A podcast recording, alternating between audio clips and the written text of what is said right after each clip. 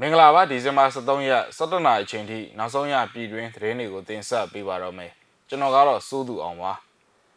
မုံရွာရာကြီးကလေးဝလမ်းကျော်မှာတိုက်ပွဲပြင်းထန်ပြီးစစ်ကောင်စီဘက်ကအများအပြားကြာဆုံးခဲ့တယ်လို့ဆိုပါတယ်မန္တလေးတူနာပြုဇနီးမောင်နှံတပ်ဖြတ်ခံရမှုဟာ၎င်းတို့လှုံ့ဆော်ခြင်းမဟုတ်ဘူးလို့မြို့ပြပျောက်ကြားတပ်ဖွဲ့ကထုတ်ပြန်လိုက်ပါတယ်ရဲတသာတရားပြည်သူတော်လှန်ရေးတပ်မတော် PREC ကိုထပ်မံခိုးလုံလာပါတယ် နိုင်ငံတကာသတင်းတွေဘက်မှာတော့ရုရှားနဲ့တရုတ်ရဲ့ချင်းချောက်မှုတွေကိုအနောက်နိုင်ငံတွေတညီတညွတ်တဲ့ရင်ဆိုင်ဖို့ UK ကတိုက်တွန်းလိုက်ပါတယ်ဒီအကြောင်းတွေပါဝင်တဲ့နောက်ဆုံးရပြည်တွင်းနဲ့နိုင်ငံတကာသတင်းတွေကိုတင်ဆက်ပေးပါရမယ်မင်းကင်းနယ်ကနေကန်နီနယ်စေရွာချောင်ဘက်ကိုကုန်းချောင်းနဲ့စစ်ကြောင်းထိုးချီတက်လာတဲ့စစ်ကောင်စီတပ်ကိုဒေသခံပြည်သူ့ကာကွယ်ရေးပူးပေါင်းတပ်တွေကဒီဇင်ဘာ12ရက်နေ့နေ့လယ်မှာတိုက်ခိုက်ရာ စစ်ကောင်စီဘက်ကအယောက်80ဝန်းကျင်တေဆုံးကြောင်းပြည်သူ့ကာကွယ်ရေးတပ်ဖွဲ့စီကသိရပါတယ်။မုံရွာရာကြီးကလေးဝလမ်းမအတိုင်းခြိတက်လာတဲ့အင်အား100လောက်ရှိတဲ့စစ်ကောင်စီတပ်ကိုလမ်းခရီးနေရာ၄ခုမှာနေ့လယ်12နာရီမှာမိုင်း10လုံးခွဲပြီးတိုက်ခိုက်ခဲ့ကအပြန်အလှန်ပစ်ခတ်ခဲ့တာလည်းဖြစ်ပါတယ်။တိုက်ပွဲကတော့စတိုက်ဆိုသလိုဖြစ်နေတာလွန်ခဲ့တဲ့နှစ်ရက်တည်းကရေချောင်းကောကုန်းချောင်းရောကဏီဘက်ကိုအင်အားတွေတိုးချဲ့နေတာကျွန်တော်တို့ကလည်းလမ်းကနေဖြတ်ပြီး ရရင်ရတယ်လို့မိုင်းခွဲတိုက်ခိုက်တာဒီနေ့ကတော့အပြင်းထန်ဆုံးလို့ပြောလို့ရတယ်စစ်ကောင်စီစစ်ကြောင်းမှာပြူအဖွဲ့ကပုံများတယ်လို့တိုက်ခိုက်ခဲ့တဲ့ဒေသခံပူပေါင်းတပ်ဖွဲ့တွေတဲက KLG PDF ကဏီပြန်ကြားရေးတာဝန်ခံကပြောပါတယ်တိုက်ပွဲကြချိန်2နိုင်နီးပါးရှိခဲ့ပြီးကဏီစလင်ကြီးမင်းကင်းမုံရွာနဲ့ရမပင်စတဲ့ဒေသခံပြည်သူ့ကာကွယ်ရေးအဖွဲ့တွေကတပ်သားအင်အားအများအပြားနဲ့ဝိုင်းဝန်းတိုက်ခိုက်ခဲ့တာလည်းဖြစ်ပါတယ် အခုတိုက်ပွဲကစစ်ကောင်စီတပ်တွေတက်လာတဲ့လမ်းမှာထောင်ထားတဲ့မိုင်းနေရာတွေကိုသူတို့ရောက်တဲ့အချိန်မှာမိုင်းလဲခွဲပြီးတော့ဝိုင်းပြီးတော့ပြစ်တဲ့သဘောမျိုးစစ်ကြောင်းမကစစ်ကောင်စီတပ်သားတွေထက်ပြူစောတိအင်အားကပိုများတယ်ပြူတချို့ကိုလည်းသူတို့ကမောင်းပြန်နေပေးထားတာဒါပေမဲ့မိုင်းထိပြီးတော့ဖယိုဖယဲဖြစ်နေတဲ့အချိန်ဒီဘက်ကအပိုင်ပြည့်ရတာမလို့သူတို့အကြအဆုံးအတော်များသွားတယ်လို့ဒေသခံပြည်သူ့ကာကွယ်ရေးတပ်ဖွဲ့ဝင်ကပြောပါတယ် တိုက်ပွဲအပြီးမှာအဲ့ဒီစစ်ကြောင်းဟာလမ်းမကြီးနားမှာရှိတဲ့လာပို့ကြီးရွာမှာတပ်ဆွဲနေတယ်လို့လည်းဆိုပါတယ်ဒီဇင်ဘာ17ရက်နေ့လယ်12နာရီခွဲလောက်ကလည်းကြောက်စိမ့်တွေကိုရေရင်နဲ့တဲဆောင်လာတဲ့စစ်ကောင်စီအုပ်စုဟာချမ်းသာစုရွာနဲ့တအုံရွာကြားရေရင်စိုက်ကပ်ပြီးတဲ့နောက်တပ်သား40လောက်ဟာအနီးမှာရှိတဲ့ရွာတွေဘက်ကိုခြိတက်လာကြောင်းသိရပါတယ်ထိုစစ်ကြောင်းကို KLG PDF ကမိုင်းတော်လုံးခွဲပြီးတက်ခိုက်ရာ စစ်ကောင်စီတပ်သား10ယောက်ခန့်ကြာဆုံးတယ်လို့ KLG PDF ကဒီဇင်ဘာ17ရက်နေ့ရက်စွဲနဲ့ထုတ်ပြန်ခဲ့ပါတယ်။ဒီဇင်ဘာ10ရက်နေ့မနက်9:00နာရီဝန်းကျင်မှာတော့ချင်းတွင်းမြစ်ကြောင်တစ်လျှောက်ဆင်းလာတဲ့စစ်ကောင်စီရေရင်စက်တစည်းအုပ်စုကိုကင်းရွာနဲ့ပဲကင်းရွာကြားမှာ KLG PDF နဲ့ဒေသသွင်းမဟာမိတ်ပြည်သူ့ကာကွယ်ရေးတပ်တွေကပူးပေါင်းတိုက်ခိုက်ခဲ့ပါသေးတယ်။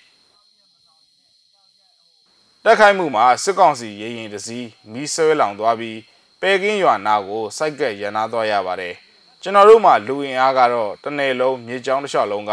တော်လန်ရေးသမားတွေကြီးပဲဆိုတော့ပြောစရာကိုမလိုဘူးမောင်းပြောင်ကိုသာအရောက်စိတ်ကိုင်းနိုင်မယ်ဆိုရင်တက်လာသမျှစစ်ကောင်စီတပ်သားအကုန်ကိုငားစာကျွေးပစ်လို့ရတယ်။ကုနိုင်တဲ့သူတွေကတော့လက်နက်များများကူညီပေးစီခြင်းတယ်လို့သူကသတင်းစကားပါပါတယ်။အဲ့လိုပဲချင်းတွင်းမြေယူတလျှောက်ဒီဇင်ဘာ10ရက်နေ့ကစပြီးတော့ဖြစ်နေတဲ့ပြင်းထန်တဲ့တိုက်ပွဲတွေမှာ စစ်ကောင်စီနဲ့ပြူစောတီစုစုပေါင်း100ကျော်အထိကြာဆုံးနိုင်တယ်လို့ KLG PDF ပြန်ကြားရေးတာဝန်ခံကသုံးသပ်ပြောကြားပါတယ်ခင်ဗျ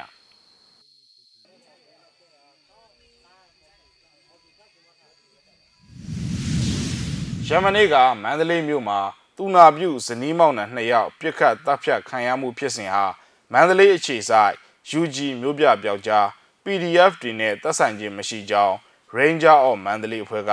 ဒီဇင်ဘာ12ရက်နေ့ညပိုင်းမှာတရားဝင်သတင်းထုတ်ပြန်ခဲ့ပါတယ်။မန္တလေးချမ်းမြသာစီမြို့နယ်နေကိုအာကာဖြိုးနဲ့သူနာပြုဒေါ်ချမ်းမြငိမ့်ဇနီးမောင်နဲ့နှစ်ယောက်ဟာဒီဇင်ဘာ12ရက်နေ့မှာ62လမ်း104နဲ့105လမ်းကြားမှာတနက်နဲ့ပြစ်သက်ခံလိုက်ရတာလည်းဖြစ်ပါတယ်။အဆိုပါကိစ္စနဲ့ပတ်သက်လို့ကျွန်တော်တို့ ROM မြို့ပြပျောက်ကြားနဲ့မဟာမိတ်ညီအကိုတွေအနေနဲ့လှုပ်ဆောင်မှုမရှိပါ၍ ကျွန်တော်တို့နဲ့သက်ဆိုင်ခြင်းမရှိပါကြောင်းအသိပေးထုတ်ပြန်လိုပါတယ်လို့အဆိုပါ Ranger of Mandalay အဖွဲ့ကပြောပါတယ်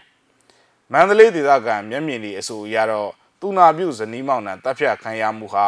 စစ်ကောင်စီတပ်နဲ့တပ်ဆိုင်ကြောင်းပြောနေပေမဲ့စစ်တပ်ကတော့၎င်းတို့လွှတ်ချက်မဟုတ်ပဲတူနာပြုလင်မယားကိုဆိုင်ကယ်သမားနှစ်ယောက်ကလှုပ်ကြံခဲ့တာလို့ထုတ်ပြန်ပါတယ်။ဒါအပြင်မှာအခင်းဖြစ်ရာနေရာကအမေရိကန်ထုတ်ကြီးစံတွေတွေ့ရှိရကြောင်းနဲ့ တူနာပြုဆီယာမဒေါ်ချမ်းမြငိန်ဟာ CDR မှာမပါဝင်တာကြောင့် PDF တွေကပြစ်တက်တာလို့ CCTV မှတ်တမ်းကရရှိတဲ့ဓာတ်ပုံတစ်ပုံကို ထုတ်ပြန်ပြီးစစ်ကောင်စီဘက်ကဆွဆွဲထုတ်ပြန်ထားတာလည်းဖြစ်ပါတယ်ခင်ဗျာရဲတရင်16စကိုင်းတိုင်းလ283668ရဲတပ်သားမင်းစင်ထွန်းဟာပြည်သူတော်လှန်ရေးတပ်မတော် PRAC ကိုထပ်မံခိုးလုံလာပါတယ် PRA အနေနဲ့ UNG အစိုးရထံအစစ်စစ်တင်ပြပြီးရဲဘော်ရဲ့လုံခြုံရေးကိုလည်းတာဝန်ယူဆောင်ရွက်ပေးသွားမယ်လို့ထုတ်ပြန်ထားပါတယ်။ရဲသက်သားမင်းစင်ထွန်းကို PRA ကမေးမြန်းထားတဲ့ဗီဒီယိုဖိုင်ကိုလည်းကြည့်လိုက်ရအောင်ပါ။ဒါကတော့ကျွန်တော်တို့ People Revolution Army PRA ကနေပြီးတော့ဒီဖမ်းဆီးရမိတဲ့ရဲတပ်သားတူဖြစ်ပါတယ်။သူကတော့ဟိုသူ့ရဲ့ဖြေကြားချက်အရာပေါ့နော်။ဒီ ကလေးတောင်ကနေပြီးတော့ထော်ပြေးလွတ်မြောက်လာတယ်လို့သိရပါတယ်။အဲငါညီနာမည်လေးမိတ်ဆက်ပေးပါဦး။ကျွန်တော်နာမည်မင်းစင်ထုံးဖြစ်ပါတယ်။ကျွန်တော်ရန်ကုန်တိုင်းကွညံကုန်းမြို့နယ်ကင်ညောင်ကြီးရွာမှာနေထိုင်ပါတယ်။ငါညီငါညီရဲတဲ့ရင်မှာတာဝန်ထမ်းခဲ့တယ်လို့ပြောတယ်ပေါ့နော်ဟုတ်ကဲ့ပါအဲဘယ်ရဲတဲ့ရင်တွေမှာတာဝန်ထမ်းခဲ့တာကျွန်တော်ရဲတဲ့ရင်16စကိုင်းတိုင်းရဲတဲ့ရင်16မှာကျွန်တော်တာဝန်ထမ်းဆောင်ခဲ့ပါတယ်ငါညီရဲ့လာနံပါတ်လေးကိုပြောပြပြကျွန်တော်လာနံပါတ်ကလာနံပါတ်283668ရဲတက်တာမင်းစင်ထုံးဖြစ်ပါတယ် ဟုတ်ပြီငါညီအဲ့ဒီအချိန်မှာတော်လန်ပုံကံလို့ဆိုပြီးတော့ငါညီကိုရဲချုပ်ကနေပြီးထောင်ထဲထည့်လိုက်တယ်လို့ငါညီပြောတယ်နော်ဟုတ်ကဲ့ပါအဲ့အဲ့ဒါနဲ့ပတ်သက်ပြီးတော့ရှင်းပြပေးပါအောင်ကျွန်တော်ဆေးအာနာရှင်ကိုမကြိုက်လို့ကျွန်တော်နောက်ပြီးကျွန်တော်ရဲတိုင်ကလည်းဆေးအာနာရှင်နဲ့ပူးပေါင်းပြီးတော့ပြည်သူတွေကို မတော်မတရားနှိပ်စက်တယ်တော့နောက်ပြီးတော့ကျွန်တော်ဖမ်းဆီးတယ်အပြစ်မရှိတဲ့ပြည်သူတွေကိုကျွန်တော်ကဖမ်းဆီးတယ်နောက်ဖုန်းထဲမှာနိုင်ဟိုနေဆန္ဒပြတဲ့တပ်ပုံတွေတွေ့ရင်တော့ကျွန်တော်တို့ဖမ်းဆီးပြီးတော့ထောင်နေပါချတယ်အဲ့ဒါတွေကိုကျွန်တော်မခံမရနိုင်ဖြစ်တော့ကျွန်တော်တို့တငယ်ချင်း9ယောက်ကျွန်တော်တို့စပြီးတော့ကျွန်တော်တို့ပုံကန်တယ်ပုံကန်တယ်ဆိုတော့ကျွန်တော်တို့ရဲ့အရာရှိကိုကျွန်တော်ရဲတိုင်အရာရှိကိုကျွန်တော်ပုံကန်တယ်ပုံကန်တော့ကျွန်တော်ကနီလန်းကြကြကျွန်တော်ရဲရဲထွက်မယ်ကျွန်တော်ထွက်စာတင်မယ်ဆိုတော့သူကထွက်စာတင်လို့မရဘူးမင်းတို့ထွက်စာတင်မယ်ဆိုရင်9နှစ်6နှစ်လောက်စောင့်ရမယ်ပေါ့သူကအဲ့လိုပြောပါတယ် ပြောတော့ကျွန်တော်ကလည်းအဲ့ညမှာကျွန်တော်ကပေါက်ကွဲပြီးတော့သူနဲ့စကားတွေများကြတယ်စကားတွေများကြတော့အဲသူနဲ့ထိုးမယ်ပြီးမှဖြစ်တော့ကျွန်တော်လက်နက်တွေဆွဲကြတယ်လက်နက်တွေဆွဲကြတော့သူတို့ကအရင်လက်ဥသွားတော့ကျွန်တော်တို့ဖမ်းဆီးပြီးတော့ခလေးမျိုးမှရဲစကန်အချုပ်ခန်းမှာကျွန်တော်တို့ကိုဖမ်းဆီးလိုက်ပါတယ်ဖမ်းဆီးပြီးတော့ကျွန်တော်တို့ကိုချုံအောင်ထားလိုက်တယ်ချုံအောင်ထားပြီးကျွန်တော်တို့ကိုထောင်ချတယ်ကျွန်တော်တို့ထောင်ချတယ်ဟိုထောင်မှာကျွန်တော်တို့တကယ်ကြီး9ယောက်လုံးကြတယ်အဲ9ယောက်ထဲမှာကျွန်တော်ကထွက်ပြေးလာဘယ်ထောင်မှာကြတယ်လဲမသိဘူးကျွန်တော်ခလေးမော်လိုက်ထောင်မှာကျွန်တော်ကြပါတယ် ထောင်ကနေပြီးတော့ကျွန်တော်ထွက်ပြေးလာကျွန်တော်တကယ်ကြီး၄ယောက်ကတော့ထောင်မှာကျန်နေခဲ့တယ်ကျွန်တော်တယောက်ကတော့အခုထွက်ပြေးလာပါထွက်ပြေးလာလို့အခုဒီကိုရောက်လာခဲ့တာဖြစ်ပါတယ်ဟုတ်ပြီအဲ့တော့အဲ့ငါးညီနဲ့အတူတူဒေါ်လာပုံကံဖို့စူးစမ်းခဲ့တဲ့ဒီဟိုပါပေါ့တငယ်ချင်း9ယောက်ရဲ့နာမည်လေးတွေနဲ့ယာရုလေးတွေကိုပြောပြပေးပါဦးဟိုနေနံပါတ်1ကတော့ရဲဒုတက်ချက်ထနိုင်ဆိုးနံပါတ်2ကတော့ရဲတက်တာကျွန်တော်ပေါ့မင်းစင်ထွန်းနံပါတ်3ကတော့ရဲတက်တာအောင်တက်ပိုင်နံပါတ်4ကရဲတက်တာကျော်နိုင်အောင် နံပါတ်5ကရဲတက်တာချီလီဖြစ်ပါတယ်အဲသူတို့ရဲ့ကိုယ်ပိုင်နံပါတ်လေးတွေရောငါညီသိလားမသိဘူးနော်ကိုယ်ပိုင်နံပါတ်တော့မသိပါဘူးဟုတ်ပြီဟုတ်ပြီအဲ့တော့ငါညီအနေနဲ့အခုလိုထွက်ပြေးလွတ်မြောက်လာတဲ့ပုံစံလေးကိုလည်းပြောပြပေးကြပေးပါအောင်နော်ကျွန်တော်ထောင်ထဲမှာကျွန်တော်နိုင်ငံရေးသမားတွေဟိုမြင်တွေ့နေရတယ်ပေါ့နိုင်ငံရေးသမားတွေကိုမြင်တွေ့နေရတဲ့ခါကျတော့ကျွန်တော်ထောင်ထဲမှာတနေ့မို့တနေ့ကြံစီတယ်ပေါ့ငါအပြင်ဘုတ်ကိုထွက်ရင်လွတ်အောင်ကြံစီမယ်ပေါ့ ဟောလွတ်မြောက်အောင်နေမယ်ပေါ့ဒီချိန်မှာငါထောင်ထဲမှာနေဘာမှကိုတော့လည်းဘာမှမဖြစ်သလိုငါပြီးတော့ကိုဒီသူဘက်ကလည်းဘာမှအကျိုးပြုနိုင်မှာမဟုတ်ဘူးဆိုပြီးတော့ကျွန်တော်ထောင်ထဲမှာတနေ့မို့တနေ့ကျွန်တော်အိတ်ခန်နေတယ်ကျွန်တော်စဉ်းစားပါတယ်နောက်ခါကျကျွန်တော်ကန်ကောင်းကျင်တော့ကျွန်တော်အပြင်ဘုတ်ကိုထုတ်ပါတယ်ကျွန်တော်ခလေးမော်လိုက်ထောင်မှာကျွန်တော်နွားချောင်းနေရာရပါတယ်နွားချောင်းနေရာရတော့ကျွန်တော်နွားချောင်းထဲကနေပြီးတော့ကျွန်တော်ခြီကွင်းကိုတံပြက်လောက်နဲ့တိုက်ဖြတ်ပြီးကျွန်တော်ပြေးခဲ့တာဖြစ်ပါတယ်အဲတံပြက်လောက်ဘယ်ရရတာလဲတံပြက်လောက်ကကျွန်တော် ခလေးအဲမော်လိုက်ထောင်ကရေတန့်ကျွန်တော်ရတာဖြစ်ပါတယ်အော်ရေတန့်ဌာနရရေတန့်ရေတန့်ဆက်ရုံကရတာဖြစ်ပါတယ်ဟုတ်ကဲ့အဲ့တော့ကျေးဇူးတင်ပါတယ်နော်ဟုတ်ဆက်လက်ပြီးတော့နိုင်ငံတကာသတင်းတွေဘက်ကိုလည်းတွားရအောင်ပါအနောက်နိုင်ငံတွေနဲ့ရင်းရဲ့မဟာမိတ်တွေအနေနဲ့အာနာရှင်စနစ်အာနာရှင်ဆန်တဲ့လှုပ်ဆောင်မှုတွေအပေါ်တညီတညွတ်တဲ့ရင်ဆိုင်တုံ့ပြန်သွားဖို့လိုတယ်လို့ UK နိုင်ငံသားရေးဝန်ကြီး Liz Truss ကဒီဒီဇင်ဘာ17ရက်နေ့မှာပြောကြားလိုက်ပါတယ်။ လက်ရှိအချိန်မှာရုရှားနဲ့တရုတ်ရဲ့ချင်းချောက်မှုတွေနဲ့ပတ်သက်လို့စိုးရိမ်ပူပန်မှုတွေရှိနေချိန် G7 နိုင်ငံခြားရေးဝန်ကြီးတွေရဲ့ထိပ်သီးအစည်းအဝေးကို Trust ကအင်ရှင်အဖြစ်လက်ခံကျင်းပခဲ့ချိန်မှာအထက်ပါအတိုင်းပြောသွားခဲ့တာဖြစ်ပါတယ်။ကမ္ဘာအချမ်းသာဆုံးနိုင်ငံတွေရဲ့နိုင်ငံခြားရေးဝန်ကြီးတွေအင်္ဂလန်အနောက်မြောက်လီဗာပူးမြို့မှာနှစ်ရက်တာတွေ့ဆုံစည်းဝေးမှုကတော့ G7 တဘာပတိအဖြစ်ပြည်တိုင်ရဲ့တနစ်တာတာဝန်ယူမှုကာလအတွင်းနောက်ဆုံး လူကိုယ်တိုင်တွေ့ဆုံမှုအစည်းအဝေးလည်းဖြစ်ပါတယ်။လာမယ့်နှစ်မှာတော့ G7 တဘာပတိတာဝန်ကိုပြည်တိုင်စီကနေဂျာမနီကလွှဲပြောင်းရယူမှာလည်းဖြစ်ပါတယ်။အခု G7 နိုင်ငံခြားရေးဝန်ကြီးတွေအစည်းအဝေးမှာတော့လက်ရှိကာလယူကရိန်းနယ်စပ်မှာရုရှားတပ်တွေတက်ချနေမှုကိစ္စအပါအဝင်တရုတ်ကိုရင်ဆိုင်ဖို့အရေးနဲ့အီရန်ရဲ့နျူကလ িয়ার ရည်မှန်းချက်တွေကိုထိန်းချုပ်ကန့်သတ်ဖို့အရေးအာဏာသိမ်းမှုဖြစ်ထားတဲ့မြန်မာနိုင်ငံအကြက်တဲ့အရေး ဖြည့်ရှင်းရေးအစတဲ့ကိစ္စရပ်တွေကိုအဓိကထားဆွေးနွေးကြမှာဖြစ်ပါတယ်။လွတ်လပ်မှုဒီမိုကရေစီရဲ့အတိုင်းအတာပေါင်းတွေကိုကန့်သတ်ဖို့ကြိုးပမ်းနေတဲ့ကျူးကျော်လိုသူတွေကိုကျမတို့အတူတကွအခိုင်အမာရင်ဆိုင်တံပြန်သွားဖို့လိုပါတယ်လို့ UK နိုင်ငံသားရေးဝန်ကြီးက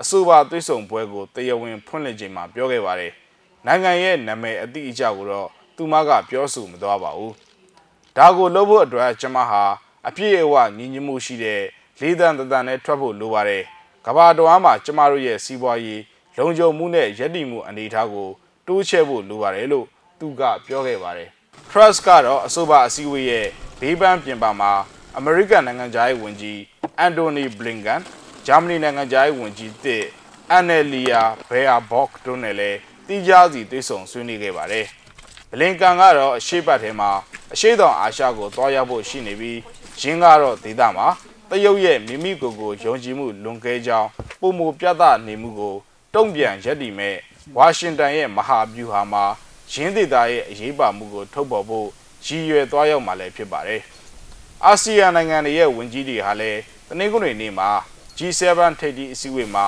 ပထမဦးဆုံးအကြိမ်ပူးပေါင်းပါဝင်ဆွေးနွေးကြဖို့ရှိနေပါတယ်။ဒါအပြင်မှာပြည်တိုင်ကရွေးချယ်ထားတဲ့ G7 ဧည့်သည်တွေအဖြစ်တောင်ကိုရီးယား၊ဩစတြေးလျ၊ အာဖရိကနဲ့အိန္ဒိယတို့ကလည်းပူးပေါင်းတက်ရောက်မှာဖြစ်ပြီးတက်ရောက်သူအများအပြားကတော့လက်ရှိကပ်ရောဂါအခြေအနေနဲ့ Omicron မျိုးကွဲပေါ်ထွက်နေမှုကြောင့် online ကနေသင်တာပူးပေါင်းပါဝင်ကြမှာလည်းဖြစ်ပါတယ်။ဆက်လက်ပြီးတော့ဆန္ဒပြသတင်းတစ်ပုဒ်ကိုလည်းတင်ဆက်ချင်ပါသေးတယ်။နယ်သာလန်ရောက်မြန်မာတွေကစစ်အာဏာရှင်အလိုမရှိကြောင်းဒီဇင်ဘာ17ရက်ကဆန္ဒပြခဲ့ကြပါတယ်။ Mensenrechten zijn rechten die ieder mens toekomen, waar ook ter wereld. Alleen telt niet in strijden, zonder de verloren mensenrechten en voor mensen inwoners terug kunnen krijgen. Wij komen immers in een buitenland waar wij wel kunnen genieten in onze vrijheid. Cyclone jij! Saluta